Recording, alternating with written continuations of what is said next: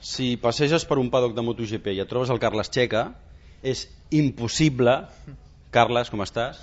Molt bé, la veritat és que bueno, encantat de tornar a estar per aquí i...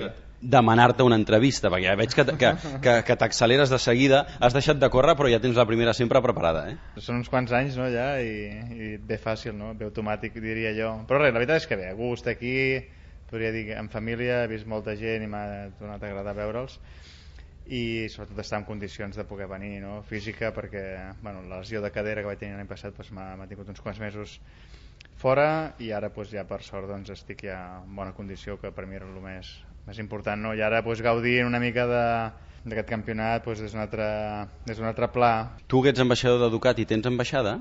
que jo sàpiga no ni xòfer Tu vas acabar la teva carrera esportiva amb un casc que era una bola del món quina simbologia tenia aquell casc? Ningú ho havia fet, era jo el mapa mundi sempre tinc diversos mapes mundis que sempre m'ha agradat molt eh, he voltat una mica per tot el món i aquests 20 anys del Mundial doncs, volia una mica representar-los amb no només carreres de moto, no? sinó una mica la vida que he tingut, no? d'aventura, d'esports, d'activitat, d'aprenentatge, la visió i al final doncs, el món veus que s'acaba fent una mica petit no?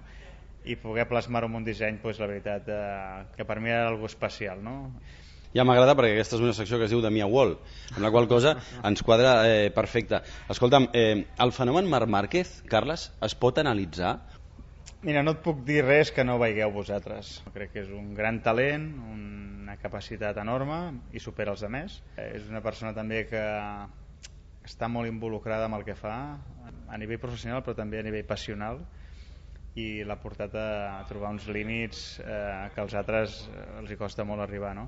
I eh, el que sí que puc dir és que aquest món no hi ha res gratis i un s'ha de treballar fort no? si arribes amb algú de talent i amb algú de feina feta pues millor, no? però, però està clar que ell va buscant constantment pues una mica el, el resultat que, que podem veure no? I inclús jo crec que ha sorprès una mica tothom no? perquè el que ha arribat a fer pues, és algú que ningú creia pel poc temps que porta i, i podem parlar poder de, un dels millors pilots, jo personalment, no? jo diria un dels millors pilots dels últims anys. I jo crec que el que hem de fer és gaudir una mica d'aquest moment, perquè és únic, i fa un campionat molt, molt agradable. Espero que no faci avorrit, no? Jo m'agradaria per ell perquè tornarà a guanyar i és possiblement que torni a fer, però, però les carreres pues, són maques quan estan més, molt competides i molt igualades però ara ell, pues, bueno, eh, per sèrie de raons, està una mica per sobre i, i pel campionat espero que, que, que, es pugui, que puguin altres pilots pues, eh, fer-li una mica més d'ombra i es pugui viure un campionat maco com el que s'està vivint fins ara.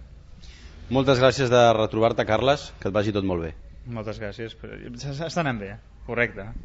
Una abraçada.